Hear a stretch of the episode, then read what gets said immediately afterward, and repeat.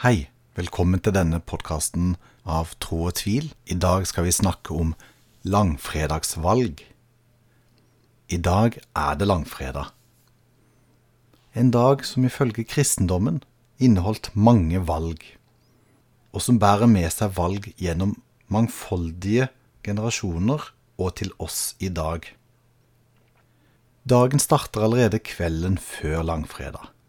Først med at noen velger å gå i tro på en beskjed fra Jesus, og slik finner de et fint lokale til å ha måltid i. Så med en gruppe mennesker som valgte fellesskap og å dele mat og drikke, og hvor de i dette måltidet gjør en handling som er blitt et rituale som holdes ved like flere tusen år seinere, på en forening mellom Gud og mennesker.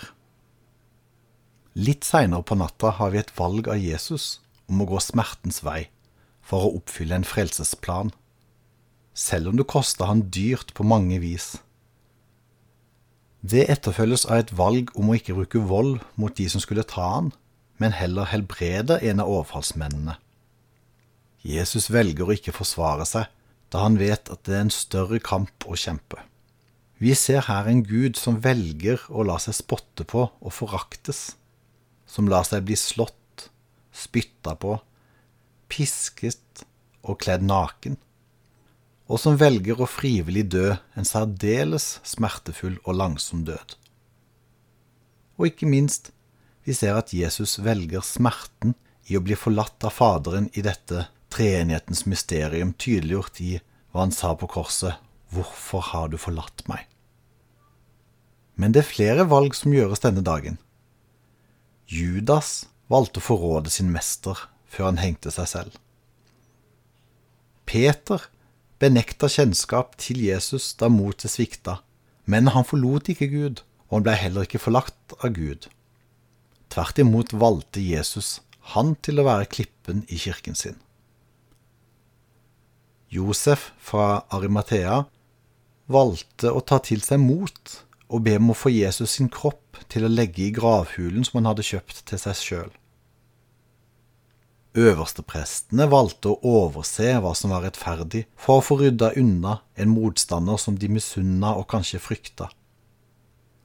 Den mektige Pilatus valgte også å dømme Jesus, selv om han visste at han var uskyldig.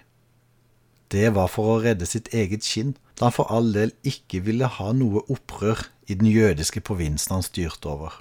Pilatus var for øvrig veldig ubesluttsom. Han prøvde hele tida å skyve avgjørelser over på andre. Han sendte Jesus til Herodes for å dømmes.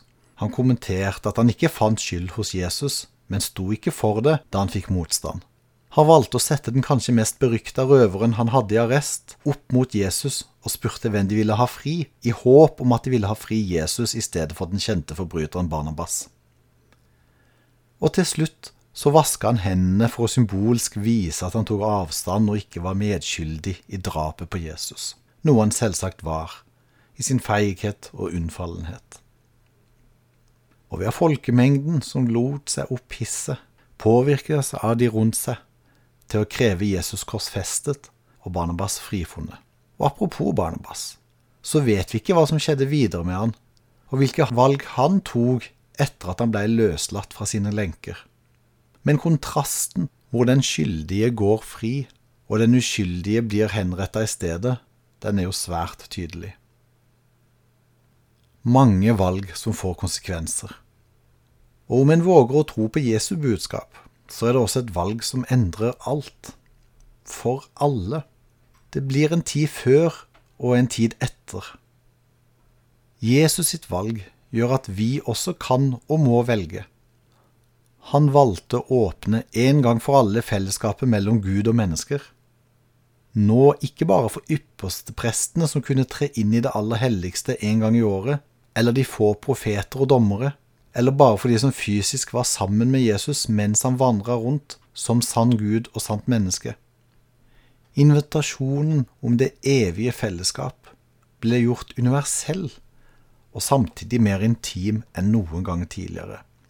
Gud ønska et fellesskap med oss, som brudgommen og bruden, som en kjærlig far til sine barn, ikke indirekte gjennom en tornebusk eller gjemt i en støvsky.